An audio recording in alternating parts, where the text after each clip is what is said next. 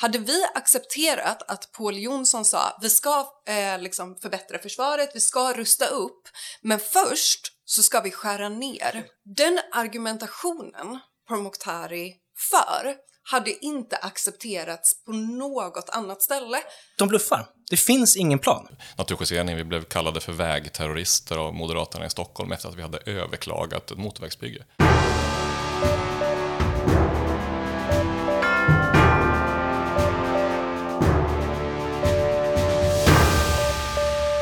Vänner och fiender, varmt välkomna till Tyckpressen, dagens ETCs ledarpodd.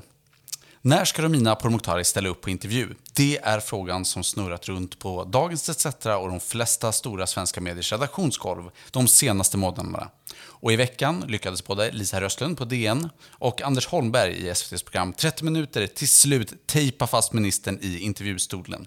Men vad fick vi egentligen veta? Och duger det? Det och mycket annat ska vi prata om i veckans ledarpodd. Och med oss har vi våra eminenta gäster. David Kilberg, klimatchef på Naturskyddsföreningen. Hur känns det att vara andrahandsvalet idag? Vi vill ju egentligen ha hit din chef, Beatrice Rindevall. Eller ordförande, ska vi säga. Precis. Nej, hon är, ligger ju tyvärr hemma sjuk. Jag är jätteglad att få vara här i hennes ställe. Vi är oerhört glada att du är här också. Och så har vi Fanny Jönsson, krönikör på Aftonbladets oberoende socialdemokratiska ledarsida. Ja, jag är här också. Varmt välkommen. Tack så mycket. Och Lorentz Tovatt, skribent på sajten Klimatgranskaren, tidigare MP-politiker. Något annat som du vill lägga till i din prestation? Eh, jag är också varm eh, supporter av Djurgårdens IF. Det kan ja. jag lägga till. Okej. Okay. Föredömligt. Föredömligt. Eh, delar kanske lyssnarna Ja, äntligen satt klimatministern i intervjustolen hos Anders Holmberg i 30 minuter. Eh, vi börjar med dig Fanny. Vad, hur tycker du att det gick? Ja, jag tror faktiskt att det är lite delat. Eh, jag, alltså, personligen tycker jag kanske inte att det gick jättebra. Eh, det var ju väldigt många gånger man hörde Pourmokhtari liksom återupprepa talepunkter, till exempel hela den här fadäsen eh, med eh, liksom Tycker du att Jimmy Åkesson fortfarande är rasist till exempel? Eh, var det ju liksom samma talepunkt om och om igen. Men man kan ju säga en sak om eh, Pourmokhtari och det är att hon kan snacka. Eh, hon kan verkligen snacka, hon har mycket liksom fina ord som hon använder som hon nästan lite trollar bort eh, Holmberg med. Eh, så jag tyckte inte riktigt hon ställde så mycket mot väggen som hon hade kunnat göra. Ja, och sen så bara generellt är det här en observation som jag har gjort. Det kändes liksom som att hon gick in väldigt, väldigt mycket i försvarsställning. Alltså direkt. Eh, som att hon kände sig liksom konstant attackerad eh, av Holmberg. Eh, och det var väl kanske inte jätteroligt att se. Alltså det är inte så kul att se en sån intervju när någon liksom hela tiden går i försvarsställning och verkar se liksom Holmberg som en slags fiende. Gjorde Holmberg en tillräckligt bra insats med att ställa henne mot väggen? Jag tycker inte om att recensera andra journalister eh, på det sättet, men det är svårt tror jag att intervjua en klimat och miljöminister som är så pass påläst eh, och inte vara liksom en klimat och miljönörd själv. Eh, jag tycker att Holmberg gjorde ett bra jobb, men det finns lite saker som man hade kanske kunnat följa upp lite mer. David, håller du med om, om intervjun? Ja, eh, det gör jag. Eh, den var väl... Eh, det var frustrerande att titta. Var, var, varför då? Ja, men för att hon eh, fortfarande är så svarslös. Och det, egentligen tycker jag att det är tråkigt att sitta och recensera Pourmokhtari för att det är regeringens politik och, och, hon är ju någon form av talesperson för regeringens politik men hon har ju ganska lite handlingsutrymme och det, det säger hon egentligen själv också.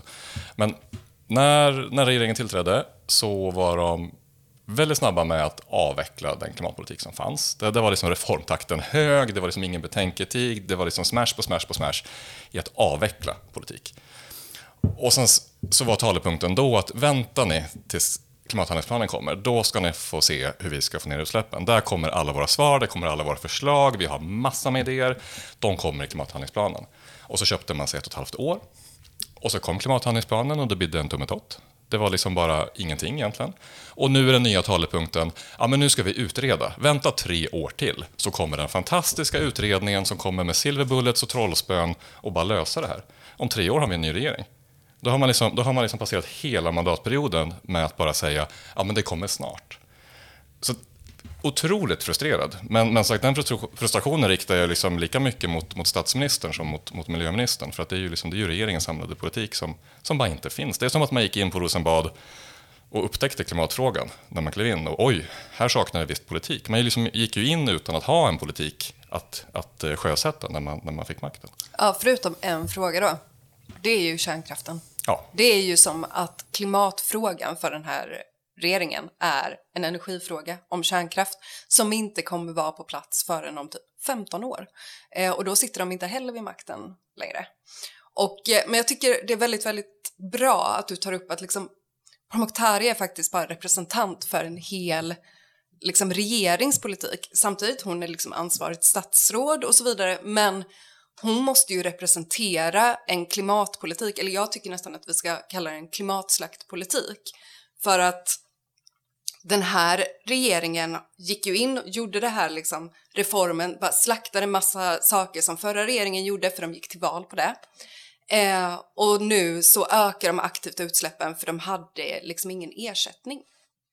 Det roliga med just det här med kärnkraften är ju att eh, Romina Pourmokhtari och många andra statsråd brukar ju säga det här med att ja, alltså problemet med den förra regeringen var ju att de bara hade en åtgärd det vill säga reduktionsplikten. Eh, alltså de la alla ägg i en och samma korg.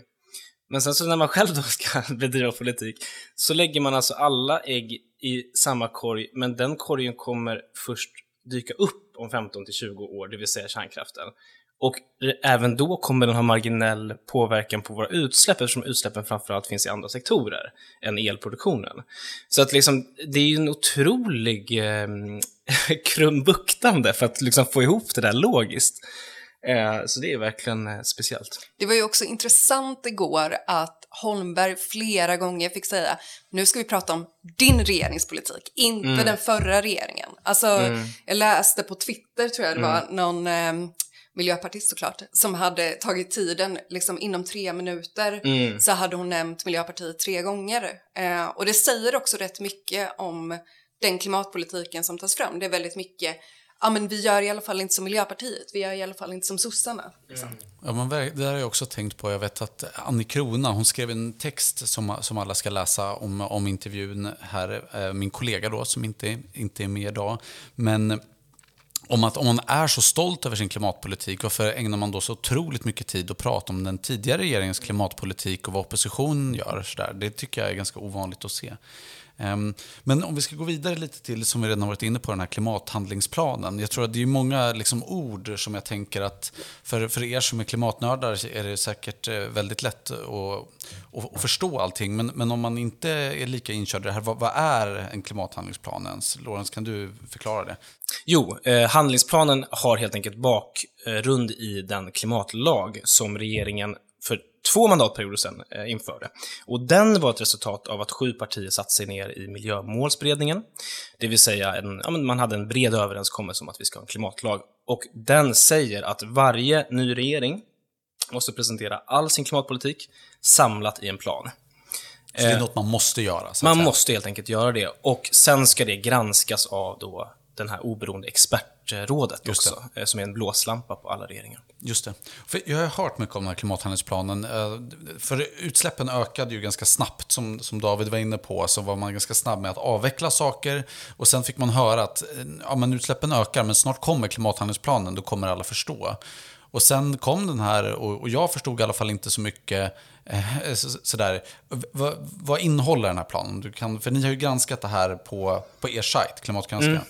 Ja, men precis. Det? Alltså, det var ju precis som David sa här innan, att liksom under eh, nästan ett och ett halvt år så fick vi hela tiden höra att när det kom kritik mot regeringen, okej, okay, ni missar klimatmålen, ni er politik leder till skenande utsläppsökningar. Då sa Romina Pourmokhtari och andra ministrar, eh, ja men vänta, vi kommer presentera all politik i den här klimathandlingsplanen. Eh, och det de har gjort helt enkelt, det är att de har ja, samlat allt som de tidigare har presenterat och sen så har de adderat några få nya grejer presenterat det i planen. Och, eh, vilket då klimatgranskaren har granskat under veckan och även DN har granskat under veckan, eh, så visar det sig att det är ju väldigt, väldigt, väldigt mycket luft i den här planen. Alltså den här grafen som pekar, det finns en graf som de har eh, gått ut med i den här planen, den pekar liksom mot noll. Och när man tittar på, vi har liksom begärt ut eh, beräkningarna bakom det här och det finns helt enkelt, det är helt enkelt en bluff det här. De, de, de når inte noll med sin politik. Man ska nå netto noll till 2045. Exakt. Är det det som de, de Och så ska man ju minska drastiskt även till 2030. Och 2030-målet är ju, det är ju helt rökt skulle jag säga. Eh, men även 2045-målet är ju i fara. Eh, och, och jag bara understryker det att jag förstår verkligen att man som klimatminister vill presentera en sån graf. När man under ett och ett halvt år har liksom sagt att det kommer komma svar. Alla svar kommer komma. Eh, och så kommer ju- inte svaren. Och då, men då istället då trixar man med siffrorna och det är ju ännu värre då egentligen. Men vad är det man trixar med? För jag har ju hört, om man, om man lyssnar på, på Mokhtari, så har han ju sagt eh, att det, nu finns det för första gången en plan till 2045. Det låter väl bra? Ja, det stämmer då helt enkelt inte. Eh, alltså de, de åtgärder, det här kan ni andra också fylla i på, men de åtgärder som tar oss närmare noll 20, 2045, det är ju sånt som att vi till exempel ställer om stålindustrin. Och det är ju beslut som har tagits tidigare helt enkelt. Eh, Och EUs nya klimatpaket påverkar också. Exakt, EUs nya klimatpaket och några andra saker.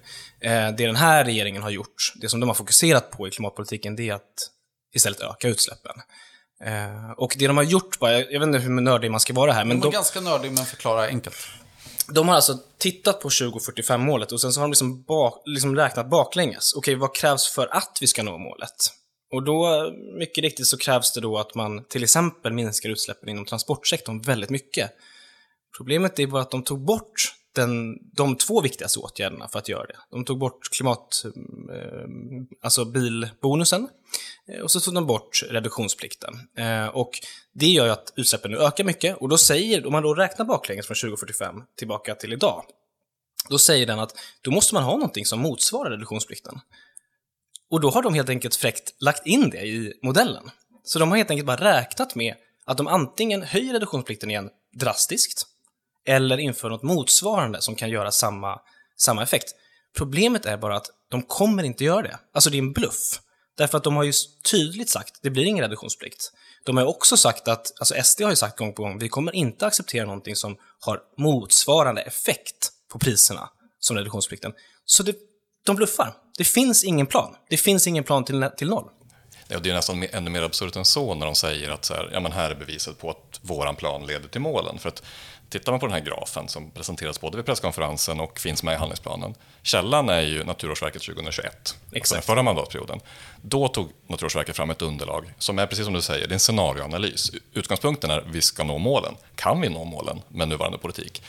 Och de kommer fram till att ja, det går att nå målet till 2045 med den politiken som fanns 2021 om man också ökar ambitionsnivån och, och inför ännu mer politik. Sen har de så flyttat över den här grafen till nuvarande mandatperiod, tagit bort hälften av styrmedlen men behåller samma graf och säger här är en graf som visar att det går att nå målen till 2045 om man har en ambitiös politik. Vi anser att vi har en ambitiös politik, alltså är det bevisat att vi når målen. Det är ett cirkelresonemang. Men det finns inget, det finns inget, det där vi anser att vi har en ambitiös politik, det finns det ingen beräkning på. Utan tvärtom så har man ju tagit bort de bärande delarna som gjorde att vi hade kunnat nå målen till 2045. Men i intervjun igår så pratade hon en del om att jo, jo, det här är inte bra att vi- tar bort reduktionsplikten och utsläppen ökar, men det vill ju alla andra partier utom Miljöpartiet göra också. Vad, vad tänker ni kring, kring den saken? Jag kan hålla med om att den förra politiken vilade för tungt på Ja, reduktionsplikten. för hon, för det, det är ju någonting som man hör från regeringen ofta, att den gamla regeringen la alla ägg i en korg. Håller du med om det? Ja, men delvis håller jag med om det. Jag tycker politiken vilade för tungt på reduktionsplikten. Men det är ju inte en kritik mot reduktionsplikten, utan slutsatsen av det är att vi behöver ännu mer politik.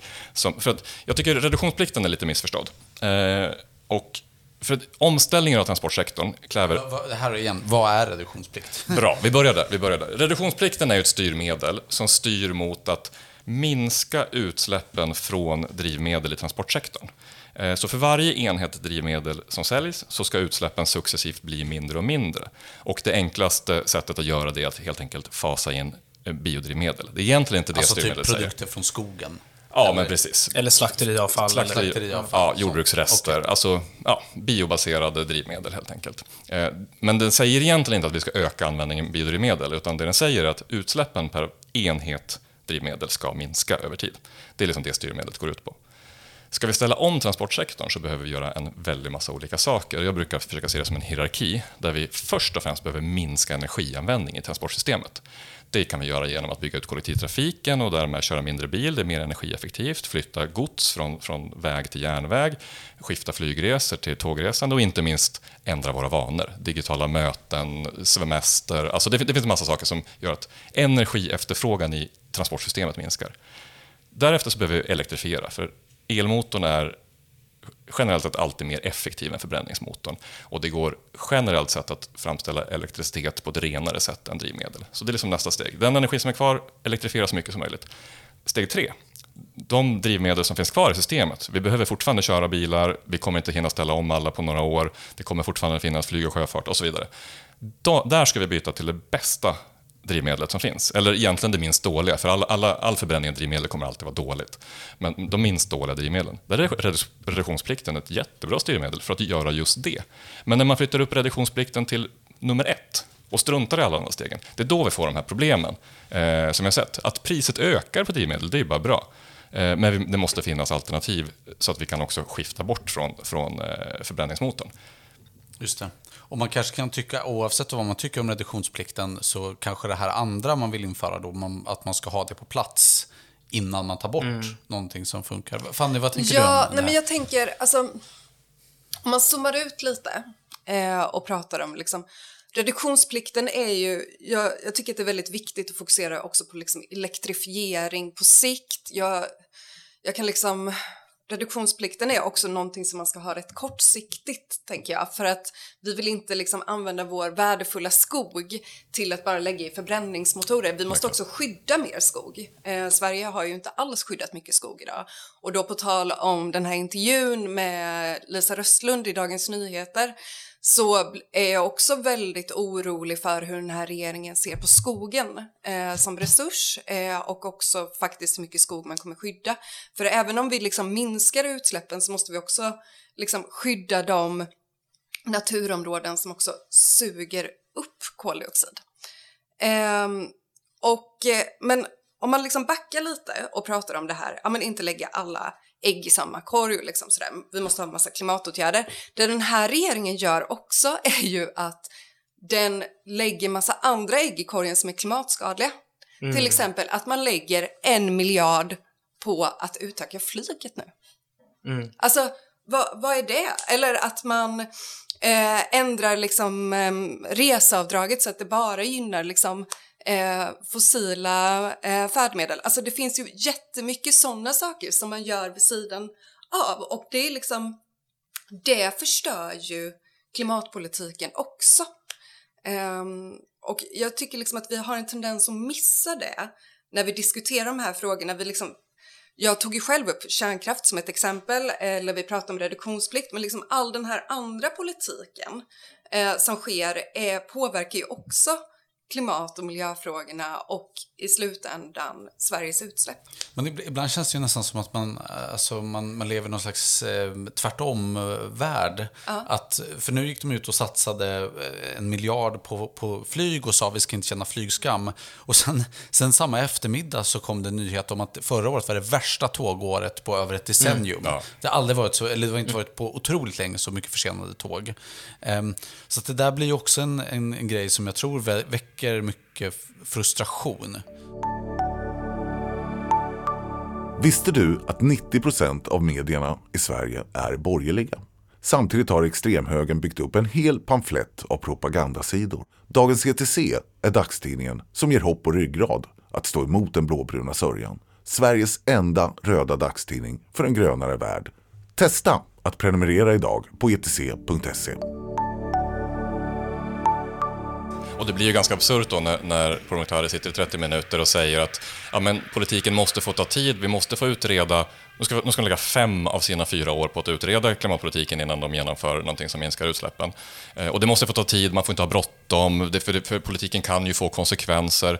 Men det verkar bara gälla utsläppsminskande politik. För som du säger Fanny, liksom all annan politik som ökar utsläppen, ja, där, där kan det gå väldigt snabbt. Där behöver man inte undersöka konsekvenserna av att krascha reseavdraget eller, eller vad det nu handlar om. I morse kom nyheten att man ska snabbutreda urangruvor.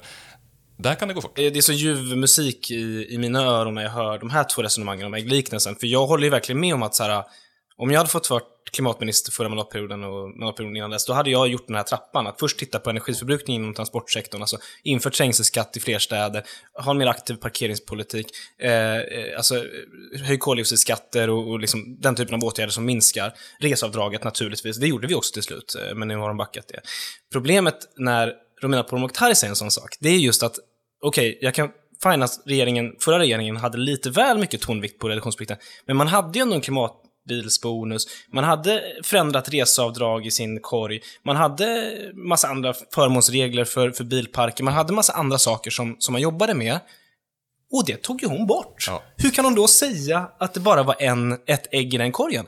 Alltså, den förra regeringen, med den politiken, så var Sverige tre, andra eller tredje bäst i världen på elektrifierad transportsektorn. Nu rasar vi på den rankinglistan. Och det är tack vare den här regeringens politik. Alltså, då kan man inte säga en sån sak. Framförallt inte när man själv sen lägger ett, ett ägg i en korg 15 år bort. Mm. Det blir ju helt, det går, den logiken går helt enkelt inte ihop. Någonting jag saknade ganska mycket i 30 minuter igår, det var ju också perspektivet om varför det måste gå fort. Och det, där tycker jag att man också skulle kunna ställa eh, regeringen till svars för, för saker de själva har lagt fram. I, Romina Pourmokhtari har varit väldigt noga med att eh, prata om den här klimatstrategin och säga att det är från professor Hassler. Jag har liksom inte hört det sedan 50-talet, att någon använder titlar på det där sättet. Men det är alltid så här, professor Hassler. Professor Hassler har sagt. Det är professor Hassler då, i alla fall. Professor Hassler. Pro, prof, jag kan inte säga det. Är dagens ETC, vi håller inte på med sånt. Professor Hassler sa då i alla fall att liksom, det är ju väldigt alltså koldioxid sam, alltså det samlas ju i atmosfären. Ja.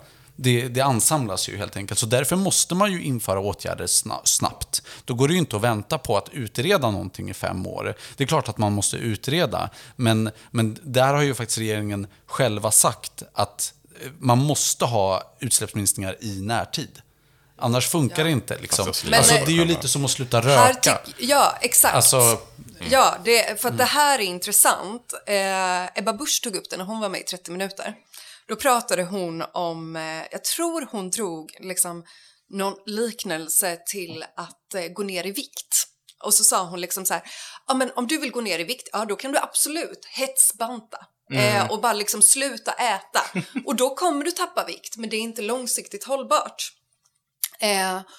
Och det var ett sätt för henne att försvara att regeringen ökar utsläppen just nu. Det är bullshit, det är ren lögn.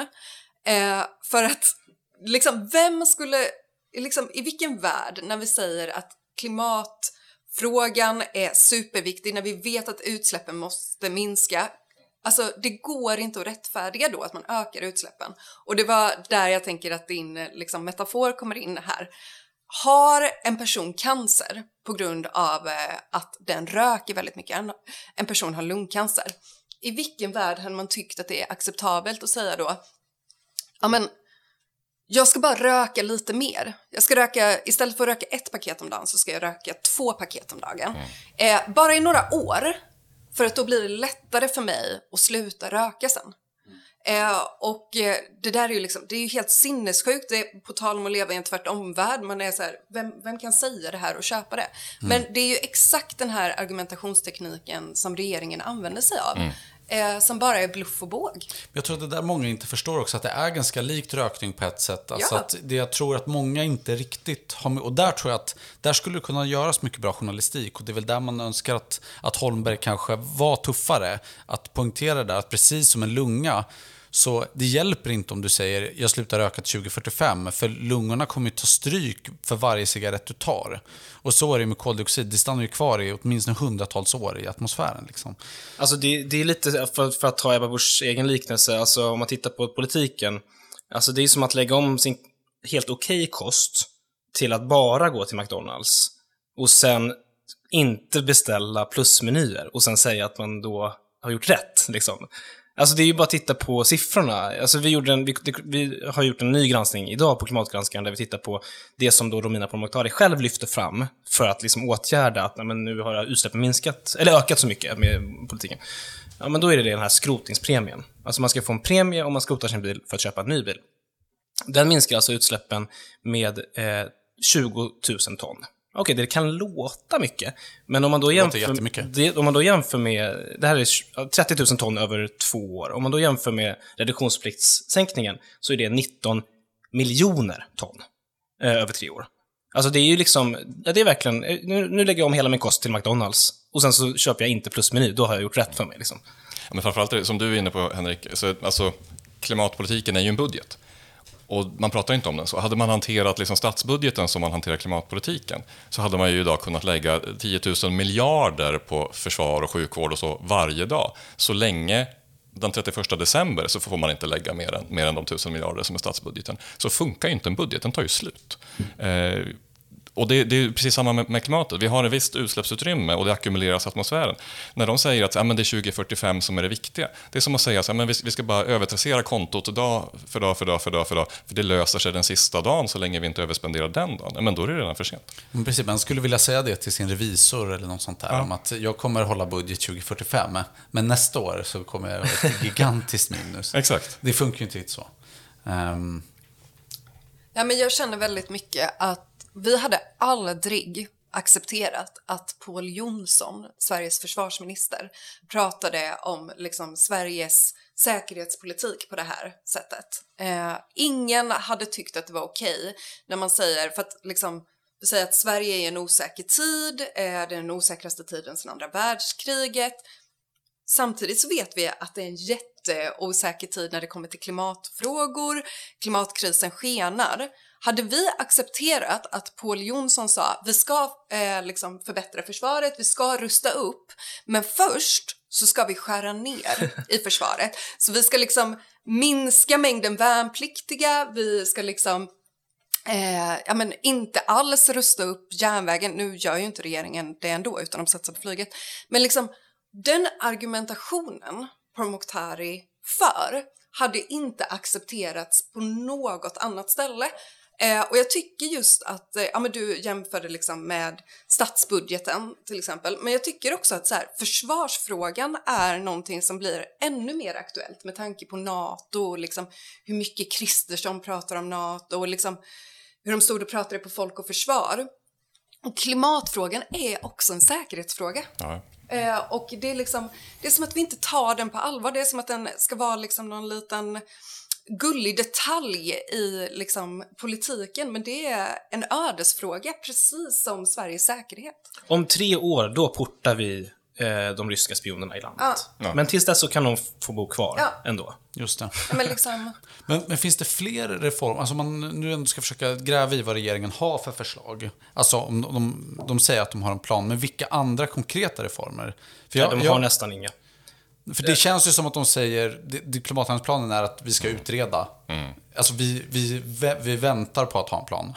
Eller något sånt där. Men finns det några andra grejer? Skrotningspremien pratade du om. Ja, den är nästan verkningslös. Sen har de el elflygplanspremie också. Och den är, går, hur mycket ger det då? Enligt det regeringens egna beräkningar, alltså vi har begärt ut underlaget även för det, och enligt regeringens egna beräkningar så är det, går det nästan inte ens att räkna på. För att det är liksom... För att det är så lite? Eller? För att det är så lite och det är så osäkert och den tekniken finns inte och vilka ska den... Vilk, alltså risken är ju liksom att elflygplanen bara ersätter, de kan bara gå på så korta sträckor, så risken är att de bara ersätter järnvägstrafik. Det är som helt meningslöst. För jag pratade med någon flyg, flygplansgubbe, som han, han är forskare, nu har jag glömt hans namn, jag ber om ursäkt för det, men han, han jobbar både för flygindustrin, så han har ganska starkt incitament att säga att elflyg ska fungera, och han är professor på Chalmers eller något sånt där. Men till sin arbetsgivares stora förskräckelse så satt han där och berättade om att nej, men, det här ligger decennier fram i tiden ja, med elflyg, och då då är det bara korta sträckor. Ja. Är det, har ni samma bild? Ja, ja men så är det. Och det är inget fel i sig att stötta den forskningen. Nej, Absolut, fine. Men det, det, kan ju inte vara liksom ett bärande ben i klimatpolitiken. Vi behöver fortfarande minska flygandet. Det är liksom alla överens om. Så man ska ha flygskam, är det det du säger? Ja.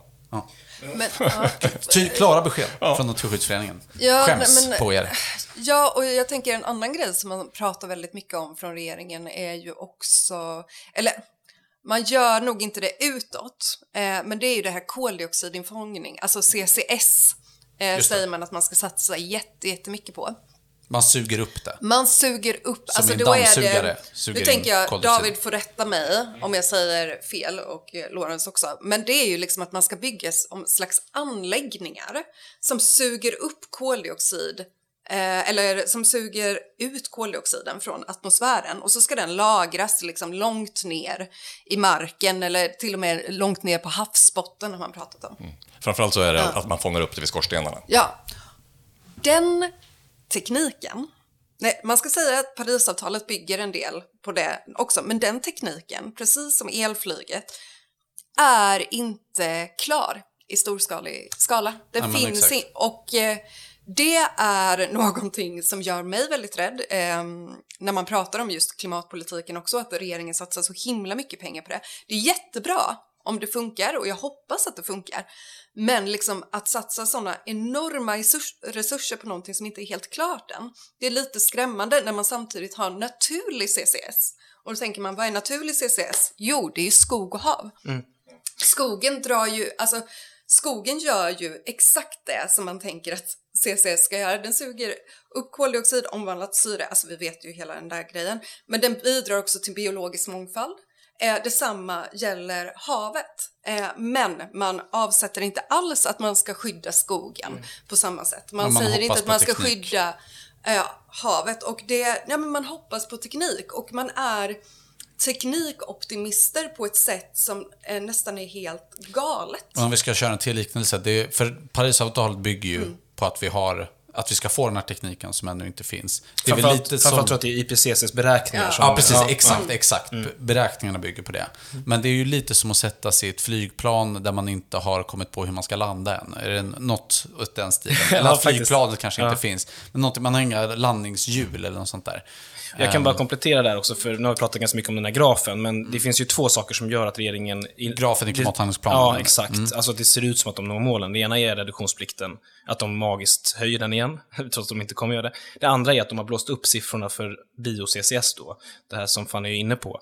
Det har de blåst upp till helt enorm summa, så att jag, jag tror inte att de kommer klara det heller. Men jag har en till fråga också. För jag läste, Ru- Romina Pourmokhtari skrev också på Twitter om att skälet till att vår klimathandlingsplan beräknas ge förutsättningar för att Sverige ska klara vårt klimatmål är allra främst att vi välkomnar alla fossilfria kraftslag, inklusive kärnkraften. Kommer det leda till att vi klarar vårt klimatmål? Absolut inte. Del, alltså, inte då? framf- dels för att kärnkraften tar otroligt lång tid att bygga ut om de överhuvudtaget lyckas bygga ut den. Nu trodde de väl att det skulle börja byggas kärnkraft så fort de sa så att, att det sk- ska bli det. Men De har ju lovat börja- att det ska byggas ja, den men nu måste de mandatperioden. börja, börja pumpa in ett subventioner. spadtag ska tas. Ja, och nu måste de börja pumpa sagt. in subventioner och liksom mer och mer nästan tvinga fram den här kärnkraften. Vi får väl se om, om det händer. Men, men även om det händer så, så tar det 15, 20, 30 år innan den är på plats. Men, men vik, viktigare än det är att kärnkraft minskar inga utsläpp. Det, alltså kärnkraften kommer inte ställa om vår fordonsflotta. Kärnkraften kommer inte flytta godset till järnväg. Kärnkraften kommer inte ställa om till ett hållbart skogsbruk eller ett jordbruk som binder mer kol. Kärnkraften kommer liksom inte göra något av alla de där sakerna. Absolut behöver vi bygga ut en hållbar energiproduktion och man kan tycka att kärnkraft hör dit. Jag tycker inte det, men det, det får man tycka om man vill. Men, men det är liksom bara en liten pusselbit av omställningen alldeles oavsett vad man tycker om kärnkraften. Men där har de inga svar. Om om jag ska försöka tolka henne välvilligt, så det hon tänker är ju det som David avslutar här med, det vill säga, vi behöver massa el till att ställa om industrin, tänker hon. Och då ska vi bygga kärnkraft. Men, och, och det kan låta intuitivt rimligt. Problemet är bara att den nya industrin vill inte ha kärnkraft, av det skälet att deras affärsmodeller bygger på någonting annat. Deras affärsmodell bygger på vätgas. Wallenberg har i och för sig sagt att han vill ha kärnkraft. Ja, ja, det, ja, jag fattar inte varför de håller på. Det är något, det är så något helt, det är något Tourette som de håller på med. Men liksom, om man tittar på vad är det för typ av industriella processer vi ska ha i framtiden, då är det vätgasbaserat. Vätgas producerar man inte med kärnkraft. Vätgas producerar man med förnybara energikällor för att de är billiga. Det är så det fungerar. Det är liksom ren marknadslogik. Och därför så har inte kärnkraft den här funktionen som den här regeringen låtsas att den har, helt enkelt. Men har de räknat på, på det här med kärnkraft? Om det är en bärande del av planen, finns det liksom beräkningar kring och, och, när är det klart? För i början av mandatperioden sa ju Elisabeth Svantesson att de skulle ta ett spadtag för ny kärnkraft. Första hundra. Första hundra dagarna. Ja, det, där tror jag kanske att hon bara sa fel. Eller, ja, det var konstigt. Men hon sa sen lite mer seriöst på en pressträff att, ehm, att de ska ta ett spadtag innan mandatperioden Ja. är slut. Vad tror ni? Kommer de fixa det? Nej. Jag, jag har väldigt, väldigt svårt att se det. Eh, man pratar ju också om de här modulära kärnkraftverken, alltså mini-kärnkraftverk, eh, som jag hoppas att eh, Ebba Busch kanske bygger på sin tomt eftersom hon eh, pratar så himla mycket om dem. Eh, de finns ju inte heller liksom helt klara idag. Eh, det, det är liksom... Det är också om vi- teknik som inte riktigt finns. än. Nej, precis. Eh, men om vi skulle bygga kärnkraft och liksom lyckas ha något klart om tre år, då är, skulle jag säga att det är en reell säkerhetsrisk. För man kan inte bygga ett sånt liksom, energislag som kan leda till ett liksom, haveri, en härdsmälta, eh, utan att ha de säkerhetsåtgärderna som de här åren innefattar. Eh, och det är liksom... Ehm, nej, jag tror inte att vi kommer ha kärnkraft. Och jag tror liksom att den, den här regeringen har ju, som Lorenz och David har pratat om, liksom, det finns inget svar på hur de ska minska utsläppen. Eh, det enda de har liksom levererat under den här mandatperioden och som de tänker hålla i är sina vallöften. Eh, och sen så tänker de att de skjuter det här problemet på framtiden. Ja. En, Det är det som är politiken liksom, en tyvärr. prokrastineringspolitik. är det Ja, och grejen är man kan inte bara beskylla den här regeringen för att ha gjort det. Väldigt många tidigare regeringar har gjort det. Andra politiker har gjort det också liksom. Men det är någonting som blir bara mer och mer akut och vi har inte råd att ha en regering som beter sig så här.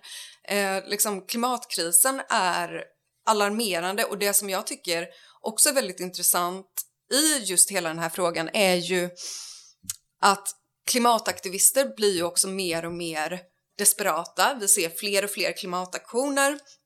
Det Pourmokhtari har gjort sen hon blev minister är ju att hon vägrar ju prata med stora delar av just klimataktivisterna och en stor del av civilsamhället. Och journalisterna också. Och journalister. Vi har Ja, inte men- fått någon intervju, Nej. till exempel. Eh, och liksom just de som har kanske ett annat perspektiv eller en annan, liksom, kanske inte samma optimism eh, som eh, Pourmokhtari eller som faktiskt har klimatångest, hon vill inte säga att hon hade det.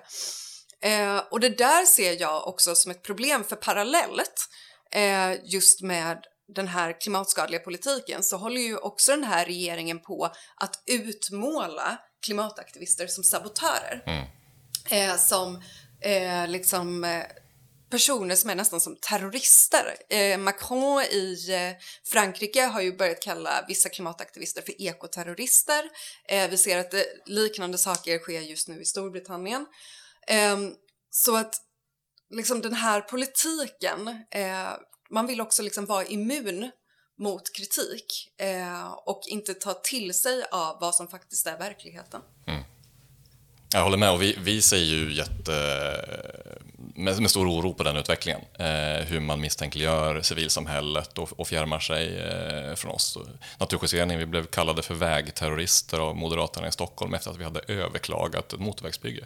Och liksom att, att använda det juridiska systemet och lämna in en överklagan, det ansågs då vara en, en, att Det är likna vid en faktiskt terrorhandling. helt jävla sjukt alltså. Och det, och det, det är ett sluttande plan Ja, det är eh, det. som är riktigt, riktigt ovanligt. Vi har ju jobbat väldigt länge tillsammans med, med våra eh, kollegor i, i andra delar av världen där det är ett reellt hot mot civilsamhället. Alltså vi har ju kollegor som mördas för sitt engagemang. Man pratar om liksom, eh, eh, krympande demokratiskt utrymme och så vidare. Och det där har ju liksom varit någonting som man ändå har känt sig ganska immun mot i Sverige. Eh, och jag, jag, jag säger inte att vi, vi nästan är där, det är, det är långt till den nivån, men det här misstänkliggörandet av civilsamhället och det krympande demokratiska utrymmet är jätteoroväckande, verkligen. Jag tänker att vi ska börja avrunda ganska snart. Eh, Men jag tänkte, ni funderar ju alla väldigt mycket på politik och klimatpolitik i synnerhet. Jag tänkte ni kan alla få komma in med någon liksom kommentar. Hur, om, någon, om ni har någon prognos för den här mandatperioden. Vart kommer det här ta vägen?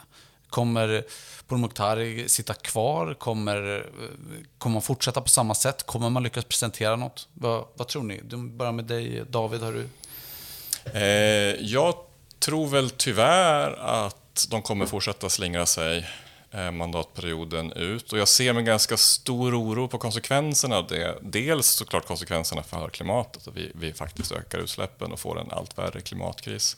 Men det innebär ju också, och det börjar bli ganska uttalat nu, att man lägger ansvaret på nästa regering. För det ska komma en utredning nästa mandatperiod som ska ge svar på hur man ska minska utsläppen. Så att det kommer falla ganska tungt ansvar i knät på nästa regering att klara, och EUs klimatmål, de är ju just kumulativa. Det är ju den här budgeten som ska minska, så att det blir som ett mycket tuffare beting om vi ska börja ännu senare. Det kommer ju kräva ganska drastiska åtgärder av nästa regering för att lyckas klara de målen som vi idag skulle kunna klara hyfsat enkelt, alltså det, är fortfarande, det krävs mycket av oss, men, men lättare, det kommer vara mycket tuffare. Och vad, liksom, den motvåg av populism det skulle kunna föda jämfört med den vi upplever nu, det är jag väldigt, väldigt orolig för. Utöver att vi får böter av EU och sånt, men det är, liksom, det, det är en sak. Men, men, men... Så taktiken är att, att skjuta upp åtgärder den här mandatperioden och sen skylla på nästa regering om man förlorar valet. Det ska, kan jag sammanfatta Ja, men det, det, det, är lite så jag tolkar strategin just nu. Ja. Mm. Lorentz, håller du med? Ja, det är ju nästan så att man tänker att hon hoppas att de hamnar i opposition. Alltså, de här böterna som vi kommer få från EU, de kommer ju först nästa mandatperiod. Vi får ju inte de böterna nu, trots att det är nu utsläppsökningarna sker. Så att det kommer ju liksom bli en dubbelsmocka mot nästa regering och den tror jag att Romina Pourmokhtari hoppas att hon själv inte sitter i, om jag ska vara helt ärlig. För det är ett omöjligt pussel att få ihop det. Eh, jag tror att hon kommer fortsätta slingra sig. Jag tror att hon kommer sitta kvar hela mandatperioden. Hon har redan investerat så mycket i att gröntvätta den här regeringens politik så att hon kan lika gärna fortsätta med det. Eh, och jag blir väldigt, det jag kanske är mest orolig för utöver utsläppen naturligtvis, det är ju liksom jag vill inte att vi ska hamna i en situation där Alltså jag tycker redan att vi har hamnat i en situation, även innan den här regeringen tillträdde, där liksom delar av miljörörelsen liksom hade gett upp hoppet om politiken. Och nu känns det som att om man tidigare tvivlade på politiken så känns det ju nästan omöjligt nu att ha tilltro till politiken. Det gör mig väldigt, väldigt orolig. Eh, och jag menar, vi var faktiskt på väg att nå målen eh, tidigare. Även om det var tufft och liksom, det kostade och sådär. Men, men eh, nu är det ju helt kört liksom. Och det, den, jag är orolig över debatten generellt. Vad fan kommer hända då? Sen, liksom, de, som, de som verkligen vill nå målen, de, vad, vad, ska de, vad ska de tro på i framtiden? Jag vet inte. Vad tror de kommer gå till val på, nuvarande regering, när det gäller klimatpolitik? Jag tror att Liberalerna kommer gå till val på den här eh, utsläppshandeln eh, inom transportsektorn som de vill införa. Det är den som de vill att den här utredningen ska föreslå. Utredningen kommer antagligen inte göra det för att SD har satt in käppar i hjulet för det. De, de, den kommer antagligen inte göra det. Problemet är, den utsläppshandeln kommer generera exakt lika höga priser på, på, på bensin och diesel som reduktionsplikten hade. Alltså det är ungefär samma, alltså, jag, nu förenklar jag lite, men det är relativt samma typ av styrmedel. Och det, så att då kunde de lika gärna fortsatt med detta om de ändå... Så att jag, det är därför de inte får ihop planen helt enkelt. De kommer inte kunna genomföra någon typ av politik som är i den riktningen, så länge de ska samarbeta med Sverigedemokraterna. Fanny, vad är din prognos för mandatperioden? Men det jag tror att vi faktiskt måste vara uppmärksamma på på riktigt eh, är hur man börjar förvanska sanningen. Vad är det som faktiskt minskar utsläppen? Mm. Hur akut är klimatkrisen? Och där har vi sett i andra länder när partier inte har svar på hur liksom, man ska lösa klimatkrisen då har man börjat säga att ja, vetenskapen stämmer inte riktigt. Det har vi redan sett hos eh, Sverigedemokraterna som har ifrågasatt IPCCs forskning. Eh, nu säger SD i Europaparlamentet att ja men Fit for 55, eh, var det verkligen så bra? Vi kanske ska skippa det. Jag tror att vi kommer ha en jättestor diskussion om vad är sant och vad är inte sant? Och där har vi ett reellt problem. För kan vi inte enas om vad som faktiskt är konkreta klimatåtgärder, då kan vi inte lösa det här problemet. Mm. Hörrni, tack så hemskt mycket för, för att ni kom hit. Det var väldigt intressant att höra. Och eh, jag har en egen prognos från mandatperioden att vi på Dagens ETC kommer fortsätta att granska klimatpolitiken, skriva om den på ledarplats, skriva om den på nyhetsplats och podda. Så ni får gärna fortsätta hänga med på det. Kul. Tack. Tack. Tack själv.